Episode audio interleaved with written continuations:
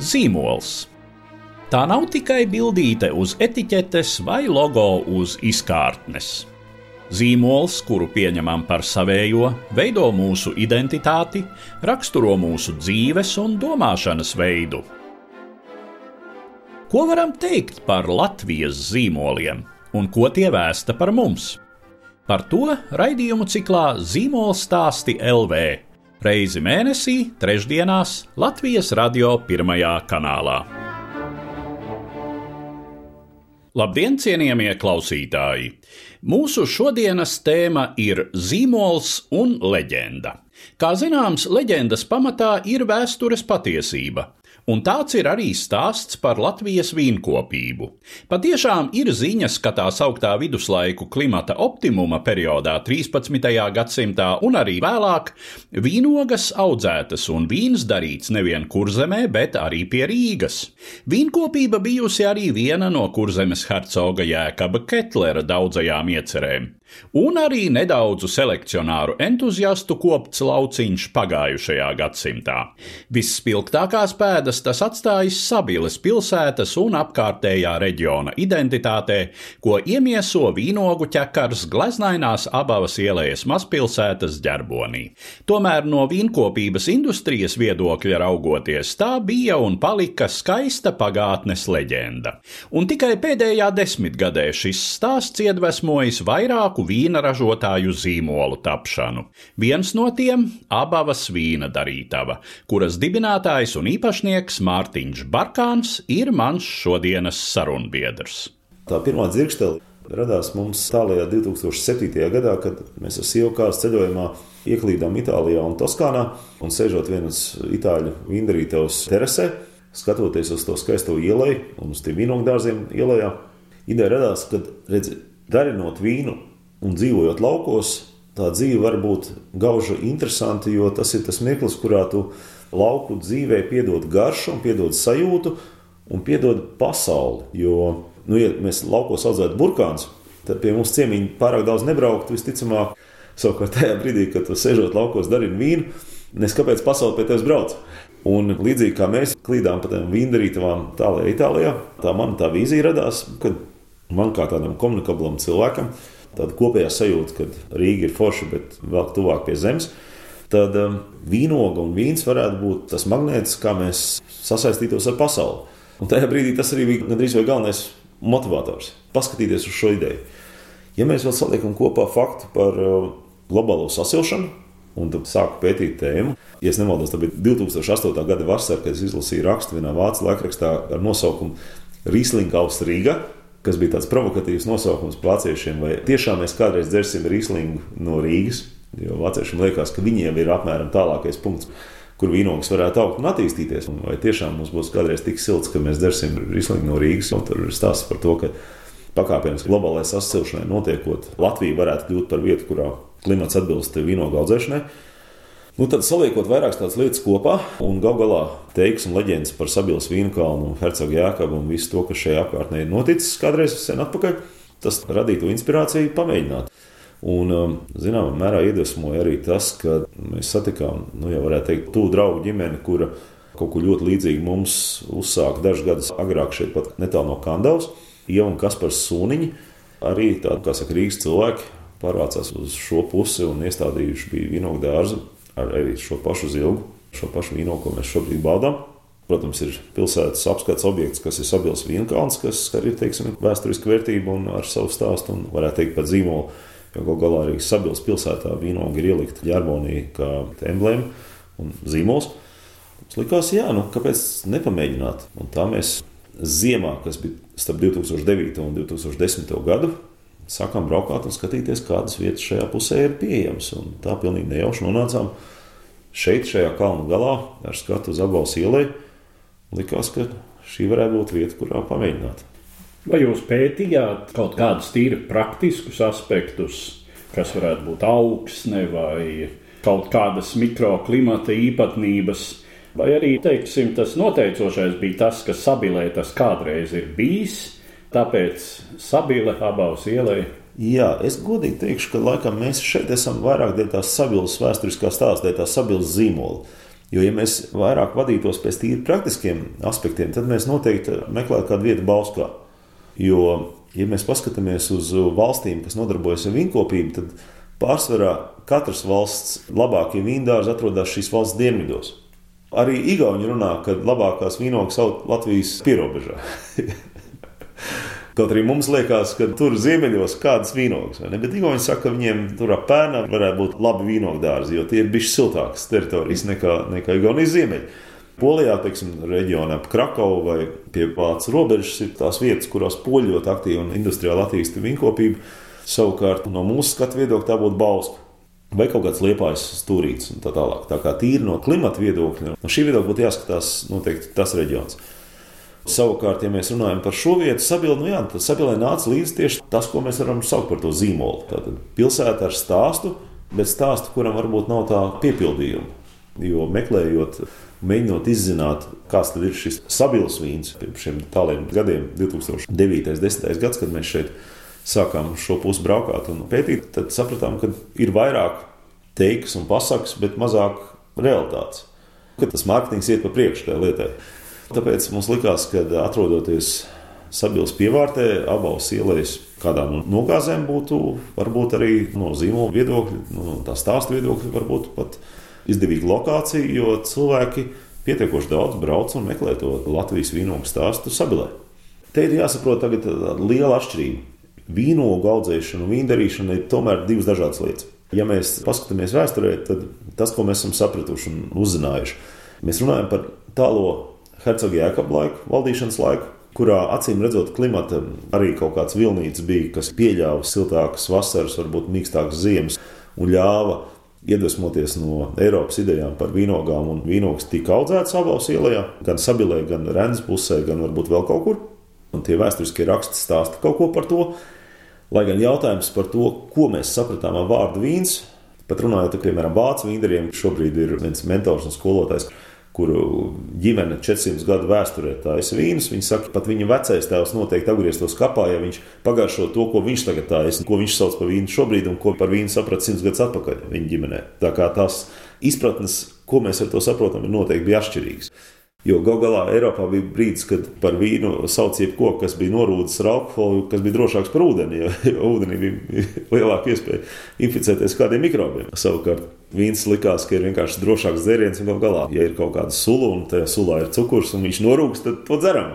Tādā ziņā arī mūsdienās aizbraucot uz Grūziju, kurā ir vēsturiski vīnoglāji un ļoti daudz mājas vīnu, kas tiek taisīti tādos ļoti, ļoti primitīvos mājas apstākļos, tad pirmā sastapšanās ar tādu rītīgu Grūziju mājas vīnu bieži vien rada sajūtu, pag, pag, pag, kas tas tagad ir. Jo mēs esam pieraduši pie mūsdienu vīnu standartiem, tehnoloģijām un visu to, ko mēs nopērkam veikalā. Tas ir ļoti tehnoloģisks produkts. Savukārt tas, ko visticamāk vēsturiski Hercogs Jākop laikos darināja no šeit augušām vīnogām, bija norūgus vīnogu sulu ar grādiem un bija ok, varēja dzert. Tad kaut kur tā vēsture pāraujās, un acīm redzot, klimata izmaiņas un varbūt tā iedvesma un vēl kaut kas cits vairs neradītos apstākļus, lai vīnogs tiktu audzēts. Un tad faktiski tas otrais filmas ir 30. gadi, un 30. gada beigas Latvijā, kurā ir jāsaprot nedaudz konteksts, jo 30. gada beigas Latvijā bija mirklis, kad vīnogu audzēšana ēšanai siltumnīcās bija tāda rīktīgi turīgu latviešu zemnieku modes lieta. Lielākā no vīnogu siltumnīcām mūsu apkārtnē bija Beņamiņu īpašumā, kas atrodas netālu Valdeķos. Līdz mūsdienām šīs siltumnīcas ir saglabājušās, nolaistas un pussabrukušas, bet vēl var aizbraukt apstīties. Un tajā tālākajā 36. gadā Sabils pilsētā viesojās uh, Kārls Ulmans, kurš paskatījās uz to, kā iela ir skaisti izcirsta un praktiski bez kokiem, jo tajā laikā praktiski visi koku materiāli, kas auga abās ielā, tika izmantot apkurei un ielai bija, lietosim vārdu, noskūta. Paskatoties uz pilsētas tā laika ekonomiskajām problēmām, viņš padomāja un izteica ideju, kā būtu, ja jūs audzētu vīnogus. Jo šis stāsts un leģenda par hercogu Jēkabu bija atnākusi līdz viņa ausīm. Un, kā jau katrā autoritārā režīmā, ja vadonis saka, kā būtu, ja jūs audzētu, tad speciālisti no nebūtu ne tik tālās pūres, jo pūrē bija arī viena no vietām, kurā bija attīstīta vīno gaudzēšanas siltumnīcās tehnoloģija un kultūra. Ieradās šeit un saprata, jā, kāpēc gan nebūtu, un izveidoja Sabils vīnu kalnā terases un iestādīja vīnogas. no tā brīža, kad jūs iestādāt vīnogu, līdz brīdim, kamēr jums ir raža, paiet aptuveni 3-4 gadi. Nu, ja mēs no 36. gada paturām laiku uz priekšu, tad mēs runājam par 40. gadu, kad mainījās varas un ekonomiskās un politiskās situācijas valstī, un kopš tā laika arī nekādu stāstu tālāk par to, kas notika ar Sabils Vīnkalnā tikko iestādīto vīnogu dārzu. Vismaz man nav izdevies atrast rakstos, kas vedina domāt, ka stāsts par vīnu kā dzērienu 30. gadu beigās tā arī nenotika. Bet par to, ka kalnā tika audzēts vīnogs, pilnīgi noteikti. Padomu laikos Sabils Vīnkalnā tāda aktīva vīnogu audzēšana nenotika, bet kas ir interesanti, kad viens pilnīgi traks teikt, entuziasts vārdā Pauls Sukatnieks Sēlijā, Dvietas pusē, bija inspirējies acīm redzot no Mičūrina idejām par to, ko tik visu cilvēks nevar sasniegt vai ne ziemeļos. Bija sācis darbu un faktiski savu lielāko daļu dzīves bija veltījis jaunu vīnogu šķirņu selekcijai. Un 60. un 70. gados Latvijā radījis vairāk kā desmit dažādas interesantas šķirnes, pamatā balstoties uz Ziemeļamerikas vīnogu sugām. Un tad savukārt 90. gada sākumā, kad daudz kas tika atjaunots un daudzas idejas tika Latvijā mēģināts atjaunot no 30 gadiem, tad viena no entuziastu grupām, kas darbojas Sabilē, nolēma, ka vajadzētu atjaunot arī Sabils vīnu kalnu. Un Atšķirībā no tiem 30 gadiem, kad tika stādīts pamatā šīs vācu šķirnes, kas auga siltumnīcās un bija mēģinājums audzēt viņas brīvā dabā, tad 90. gada sākumā Sabils Vienkalnā tika iestādītas Paula Sukatnieka izveidotās šķirnes, un tās vīnogas, kas jau bija pārbaudītas, ka viņas Latvijas apstākļos brīvā dabā aug. Un tas arī ir tas nākošais posms, varētu teikt, trešais posms apkārtnes vīnogu attīstībā, kuram arī mēs esam pieslēgušies. Un uh, arī šādas vīnogas aug Sabils Vīnkalnā, arī pie mums šeit šobrīd. Cik vispār laika un pūļu prasīja tā pareizās pieredzes iegūšana par to, kādas vīnogas ir izmantojamas, ko no kā var iegūt. Faktiski jau tā lielākā problēma laikam ir, ka mums tomēr nav garantēts šis dienvidu siltais klimats, un katrs gads var būt šai ziņā atšķirīgs. Jā, tas ir pilnīgi precīzi. Tieši tā, mēs esam pieejams klimats. Pieejams klimats principā nozīmē to, ka mums ir visu laiku mainīgi laika apstākļi. Arī ziemas mēdz būt nepastāvīgas. Jo salīdzinoši, piemēram, ar Kvebekas provinci Kanādā, kas ir Ziemeļamerikā viens no tālākajiem vīno audzēšanas vietām, vērojot kanādiešu pieredzēju, tur vienmēr katru rudeni uzsniegs sniegs, ir biezs sniega kārta, kas apsedz vīnogus un ļauj viņām labi pārziemot. Un pavasarī mums jau ir zaļa zāle, viņiem vēl ir sniegs, bet toties ir silta vasara, daudz kontinentālāks klimats un vīnogs spēj augt arī pietiekoši vēsā klimatā.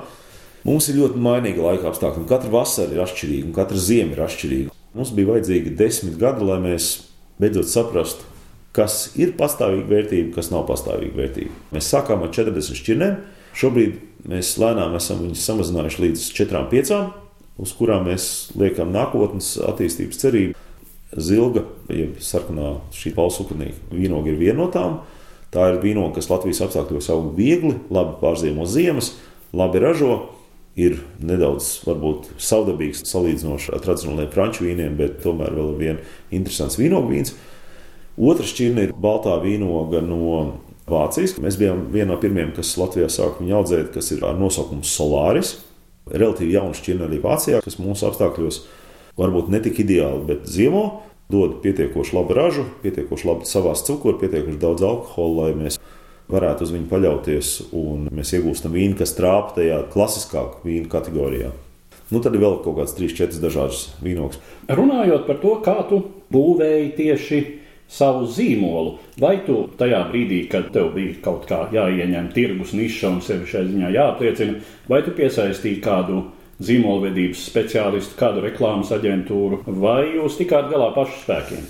Pirmais nosaukums, ko mēs izmantojām, no, ja nemaldos, no jau 2010. un 2011. gada, pirmais nosaukums bija Abavas ielai. Tas bija tas, ko mēs bijām ielikuši tādā mazā logotipā, kas bija veidots kā zīmogu nospiedums vaskā. Un uh, mūsu pirmās pudeles ar to arī rotājās, kurā faktiski tāda skaidra, saprotama zīmola vietā bija vienkārši vaska kļecka ar nospiedumu abaus ielai. Un, ja es pareizi atceros, tad 10. un 11. gada vasarā, kad mēs ar šādu rotātām pudelēm sākām piedalīties dažos tirdziņos, tad es arī vairāk sapratu, ka skatījos uz, uz to, kā ir ietērts mūsu pudeles, un sapratu, ka kaut kas nav īsti riktīgi. Jo bija sajūta, ka vajadzētu kaut ko savādāk. Un tad man bija saruna tajā vasarā, ja nemaldos, tas bija kaut kāds 2011. gads. Man bija saruna ar Latvijas, varētu teikt, vadošo iepakojumu speciālistu Kārli Krieķi, kuram ir aģentūra, kas, manuprāt, ir apkalpojusi gandrīz visus pārtiks ražotājus un pārtiks iepakojumus. Un Kārlis toreiz teica ļoti vienkārši. Viņš teica, klausies, tev ir jāpadomā par zīmolu, ko var viegli atpazīt lielveikalā. Iedomājies situāciju, kad tavs klients, kas pieņemsim, ir sieviete, kur ir iedzērusi vīnu, un viņa grib vēl kādu pudeli atkārtot. Viņa tagad zvana savam vīram un saka, klausies, nopērc man to pudelīti. Un tagad jautājums, ko viņa saka tajā brīdī pa telefonu? viņa saka, vai viņai būs viegli un skaidrs saprotams instrukcijas savam vīram, ko viņam nopirkt? Kā šī pudele izskatās? Kas uz viņas ir rakstīts? Un, ja tā padomā, vai mēs atceramies precīzi tos galvenos vīna brendus, ko mēs labprāt dzeram, ja mēs zinām tos nosaukumus, tad ir labi. Bet lielākoties cilvēki vārdus atcerās pēc attēliem. Pirmais un svarīgākais jautājums ir šī grafiskā identitāte. Forma, krāsa un attēls. Un tikai pēc tam nāk nosaukums. Un tas ir tas, ko Kārlis toreiz padalījās un lika man padomāt, ka varbūt pat svarīgāks par šo nosaukumu ir tiešām šis attēls. Un tad bija mirklis manā dzīvē, kad es kasīju pakaus un meklēju internetā, un dažādas idejas nāca prātā, kādas attēlus varētu likt uz vienas vīna pudeles, ko mēs darinātu. Mēs atrodamies mājās, kuras vēsturiskais nosaukums ir priedes. Viena no idejām bija uzlikt priedu. Labi, bet vīnogas un priedes īstenībā neiet kopā. Tad man likās, viena brīdi ideja uzlikt uz etiķetes brilles, jo es ilgus gadus staigāju brillēm un likās, ka brilles ir kaut kas tāds interesants un piesaista uzmanību un nu, kaut kas ar zināšanām varbūt saistīts. Man sieva pasties, viņa saka, nē, nu, nav, nu, nav tā, ka es gribētu pirkt vīnu, uz kur ir brilles virsū. Tad, ja es pareizi atceros, es atradu vienu tādu zīmolu ideju par diviem putniņiem uz, nu, divu putniņu uz zara. Es teicu, varbūt, šis, viņa saka, nē, nu, klausies, tas izskatās pēc kāza ielūguma, vairāk nekā pēc vīna etiķetes. Un es savos meklējumos gāju pa riņķi un nevarēju atrast to, to pareizo ideju. Un tad vienu rītu vai dienu, kad mēs bijām aizgājuši uz upi, kas ir nu, tepat kādu nepilnu kilometru tālāk, nopeldēties, tad iznākot no upes ārā uz mūsu drēbēm bija noladusies spāri. Nofotografējot šo spāri, jo viņi tiešām izskatījās skaisti, smuki sēdēja uz tām džins biksēm. Un pēkšņi man saslēdzās, ja jau mēs izmantojam, un tajā laikā vēl viens tas nosaukums bija tas abaus ielai ja mēs izmantojam upes vārdu un aizejot pie upes vasaras dienā, ir pilns ar spāriem, tad kāpēc mēs neizmantotu spāru kā savu simbolu? Kopā ar konsultantiem, kas man tajā brīdī bija tāds Jānis Lausnis, arī viens no iepakojuma dizaina un reklāmas aģentūras, kur mēs veidojam kopīgas etiķetes. Viņš teica, nu super, nu redz, spāri ir viegli saprotams simbols. Abos ielējai mēs nogriezām vārdu ielēju nost, atstājām tikai vārdu abos, padarot viņu vienkāršāku un saprotamāku. Un vēlāk arī uzzinot par to, ka Abels iela ir viena no tādām retām vietām Latvijā, kurā var pavadīt vasaras pētot dažādas spāru sugas. Ir cilvēks, kas ir pavadījis savu dzīvi un izdevis grāmatu par Latvijas spārēm, un attiecīgi izlasot šo grāmatu, es uzzināju, ka Latvijā ir vairāk kā 50 dažādas spāru sugas, un visas no viņām ir atrodamas abās ielā. Tā kā abā vai tā spāra ir pasaule, pa kuru mēs kaut ko nezinām, viņi ir mums tepat blakus. Bet, kad mēs uzzinām, mēs varam būt pārsteigti un, un pozitīvi pārsteigti. Un, manuprāt, tas ideāli saskana ar domu par Latvijas vīnogu vīnu. Jo, jā, Latvijā ir iespējams vīnogu vīns, viņš ir savādāks, tā ir nezināma mums pasaule. Bet ir vērts atbraukt uz Sabilu, uz Abaus ielai un nogaršot, un saprast, un piedzīvot to sajūtu, un tas strādā. Un tā ir apmēram tā ideja. Bet pienāca viens brīdis, kad tu saprati, ka ar vīnogu, vīnu nu, tīri kvantitatīvu apstākļu dēļ, cik var attiecīgi iegūt Latvijā no viena hektāra vīnoglāju lielu ražu, acīm redzot, tādam apgrozījumu gūstošam uzņēmumam īsti nepietiek. Tajā brīdī, kad mēs sākām savu ideju par vīnogām, tas nebija īsti biznesa projekts. Tā bija ideja par to, ka es tajā laikā nodarbojos ar mēdīju biznesu, ziņu aģentūras biznesu, kas pamatā bija balstīts Rīgā. Tā ideja par vīnogu audzēšanu Latvijā bija, varētu teikt, tāda hobija ideja. Bet, uh, iestādot vīnogu dārzu, man loģika bija samērā vienkārša. Ja mēs gaidīsim tagad piecus gadus, kamēr izaugs pirmā vīnogu raža, un mēs nebūsim iemācījušies darināt vīnu, tad paies vēl daudz gadu, kamēr mums kaut kas sanāks. Tāpēc nolēmām sākt savu vindarīšanas prasmi, trenēt uz Latvijas āboliem, upēm, rabarberiem un citiem augļiem un ogām, kas jau Latvijā aug. kuras nav īpaši sarežģīti izaudzēt, un kuras var aiziet pie kaimiņiem un, un iegādāties. Un tev ir. Un pirmie mūsu dzērieni bija balstīti uz aboliem, uz aronijām, uz upenēm, vēlāk arī rabarberiem. Pirmā tāda iedvesma, kāpēc mēs to sākām darīt, bija tāpēc, lai mēs patrenētos. Nu, liktenis lēma tā, ka tagad, desmit gadus vēlāk, mums ir uzņēmums un uh, visi mūsu biznesa balstās uz, nu, jau varētu teikt, simtiem tonu ābolu, ko mēs katru gadu apstrādājām, desmitiem tonu rabarberu un upeņu un aroniju. Un ķiršu un citu Latvijas augļu un ogu, jo tas ritenis, tā sniega pika, kas sāka vēlties tajā tālākajā 2010. gadā, tagad ir izvēlusies tik tālu, ka mūsu abavu zīmolam apakšā faktiski pamatā ir Latvijas augļu un ogas. Un vīnogi ir tikai tāds ķirsīts tajā kūkā, kas ir tāds īpašs un īpaši lolots un turpina būt tāds īpašs stāsts. Bet uzņēmuma ekonomisko teikt, segumu sniedz uh, pamatā Latvijas aboli, upenes, rabarberi, aronijas, ķirši un citi augļi. Kāda ir jūsu pieredze uh, mēģinot kuģot plašākos ūdeņos? Pieredze mūsu eksporta tirgus meklējumos, nu jau varētu teikt, ir kādi gadi pieci. Un, Viņa ir ļoti interesanta, ļoti pamācoša un dinamiska. Par vīnogu vīniem mēs šobrīd vēl nerunājam, kā eksporta preci. Mēs pamatā runājam par mūsu sidriem, par mūsu rabarberiem, par upeņu vīnu vai, vai aroniju vīnu vai kaut ko no tiem mūsu augļu vīniem. Es varētu iet daudz un detaļās, bet tā īsumā runājot, mēs Eiropā šobrīd esam pieejami aptuveni desmit dažādās Eiropas valstīs. Šobrīd es gribētu teikt, ka mūsu interesantākais tirgus ir Beļģija. Beļģija ir tāda gardēžu valsts. Beļģi paši uzskata, ka viņi ir lielāki kulināri speciālisti nekā franči. Ir ļoti daudz Michelin zvaigžņu restorānu, un divos no viņiem arī mūsu rabarbredzes izstošais vīns tiek pasniegts kā īpašs dzēriens, īpaši pārots, interesantās kulinārās pieredzēs. Bet kopumā mums Beļģija ir ne tikai ārpus šiem restorāniem, bet arī kopumā ir vieta, kur mums ir tīri labi.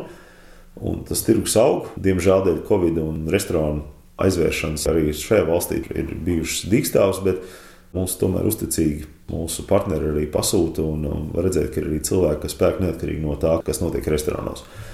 Līdzīgi Beļģijā ir Nīderlanda, kas ir arī tirgus, kas ir atvērts jaunām un interesantām lietām. Nīderlandē mums tīri labi tirgojas mūsu sidri, īpaši mūsu apiņu sidrs, bet kopumā mēs esam atraduši labu un stabilu mūsu partneri Nīderlandē. Vairākus gadus pēc kārtas mēs strādājām pie tirgus attīstības Krievijā. Šogad, varbūt pateicoties tam, ka Krievija ir viena no valstīm, kas samērā ātri atvēra savus restorānu ierobežojumus. Pēc Covid esam dabūjuši nu, jau ļoti lielu pasūtījumu uz Pēterburgu, un daudz mūsu dzērienu būs pieejami Pēterburgas restorānos. Līdzīgi tas ir arī ar Igauniju. Eksotiskākā valsts, kur mūsu dzērieni nonāca, bija Japāna.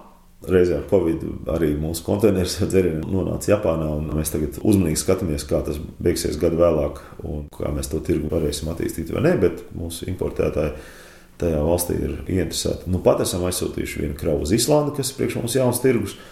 Strādājam ar Dāniju, strādājam ar Vāciju, ik pa brītiņam kaut ko pārdodam Zviedrijā. Tā kā interese ir, bet nekas nav tāds, ka es teiktu, ka nu, tagad tikai tirgojam uz ārzemēm, kā saka, cepuru kuldam. Pie katra šī tirgus jāstrādā jo mēs esam īpatnēju, netradicionāli dzērienu darinātāji. Ļoti tas ir atkarīgs no privātajām attiecībām, ļoti atkarīgs no tirgus noskaņojuma. Un uh, mēs noteikti neesam ražotājs, kas var strādāt uz apjomu un cenu. Piemēram, Lietuvas tirgu, lai ietu, visas sarunas Lietuvā parasti beigušās par apjomu un cenu, kas nav mūsu specifika. Vai tu vari mazliet tā apkopojot šo pieredzi, teikt, kas ir vajadzīgs vienam tādam nu, salīdzinoši nelielam Latvijas ekskluzīvu pārtikas produktu ražotājam, lai viņš vispār varētu domāt par tikšanu kaut kur ārpus Latvijas, kas ir varbūt tās priekšrocības un kas ir problemātiskie momenti. Es varbūt sākšu nedaudz ar problemātiskiem momentiem. Man liekas, ka tāda liela kopīga problemātiska lieta ir tas, ka Latvija nav īsti sava tēla kā valstī pārtikas industrijā tāda kopīga Latvijas zīmola. Tas nozīmē, ka, ja mēs uzliekam Latvijas vārdu, un mēs liekam Latvijas vārdu un Latvijas karogu uz mūsu dzēriem, nu nav tā, ka tas automātiski nozīmētu kaut ko. Un varbūt teiksim, tās valsts, kā Beļģija un Nīderlanda, varbūt mums ir veiksmīgas ar to, ka viņās nav nekā negatīva, bet nav arī nekā pozitīva. Varbūt teiksim, tādā Skandinavijas tirgū tā drīzāk ir negatīva situācija vai potenciāla riska situācija. Īsti nevar saprast, jo Zviedri teiksim, ir ļoti piesardzīgi par visu, kas nāk no Latvijas vismaz ir bijuši piesardzīgi. Tā kā es domāju, rītīgs liels izaicinājums ir radīt šai pārtikas un dzērienu produkcijai kopīgi kaut kāda sajūta, ka tas, kas nāk no Latvijas, ir kvalitatīvs, bioloģisks, varbūt mazs savos apjomos, ekskluzīvs un varētu būt tā vērts, lai viņi iegādātos. Jo tā ir mūsu realitāte. Mēs neesam lielražošanas valsts. Tālākais stāsts par to, ka jebkura zīmola attīstībai ir svarīgi aiznest šo stāstu līdz tam gala patērētājam, un tas nav lēts prieks. Vai nu tur ir veiksmīgs gadījums, tad ar kaut kādiem īpaši veiksmīgiem stāstiem pašiem par sevi, un kurus cilvēki tālāk padod, vai ar pareiziem partneriem, kuri gatavi šo stāstu tālāk izstāstīt. Jo, ja mēs salīdzinoši runājam par tādu lietu, piemēram, kā mēbeļu dizains. Latvijā ir lielas ražošanas jaudas, kas darina mēbeles, bet ir maz zīmolu, Latvijas zīmolu, kas iet ar savu pievienoto vērtību caur šo savu zīmolu. Lielākoties Latvijas mēbeļu ražotāji cīnās par to, cik lēti salīdzinoši ar vienu, otru vai trešo valsti viņi spēja uzražot ķeblīti, galdu vai, vai kaut kādu detaļu vai vēl kaut ko. Tāpat laikā ļoti daudz teiksim, skandināvu uzņēmumu pirmkārt iet ar savu zīmolu stāstu, rada šos dizainus, rada šo ergonomiku, funkcionalitāti, ideju un noskaņojumu tā tālāk, un tikai tad atrod, kur to ražot.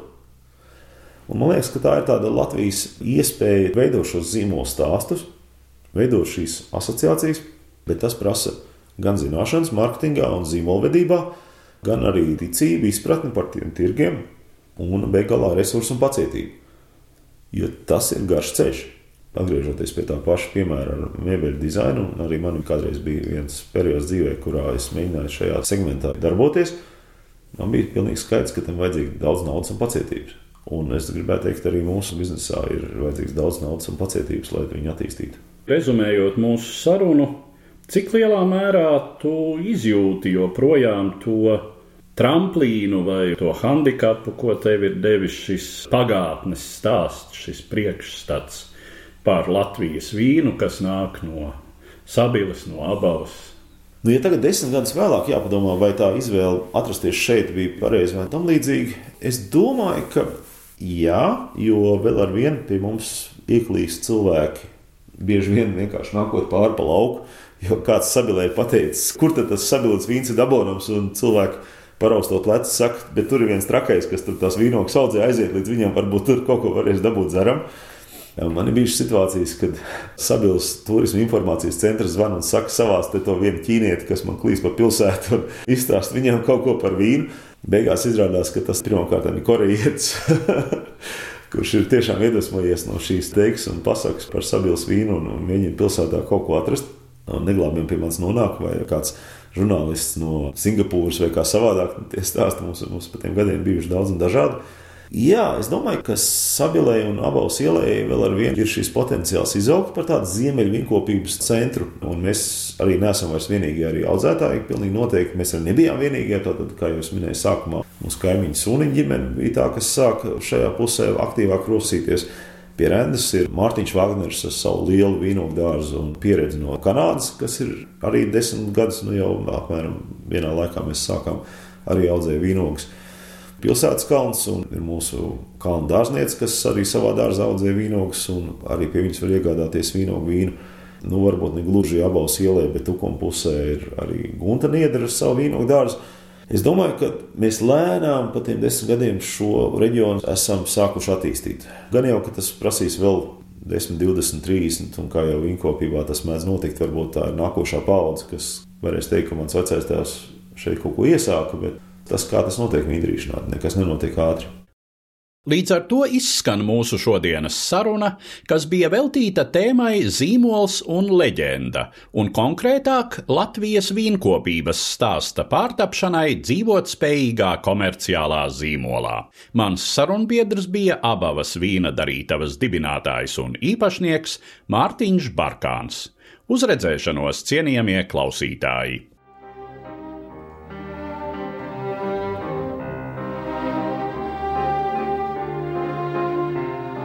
Ko varam teikt par Latvijas zīmoliem un ko tie vēsta par mums? Sarunas ar zīmolvedības teorētiķiem un praktiķiem raidījumu ciklā Zīmola stāsti LV. Reizi mēnesī, trešdienās pēc pulksten trījiem pēcpusdienā Latvijas radio pirmajā kanālā.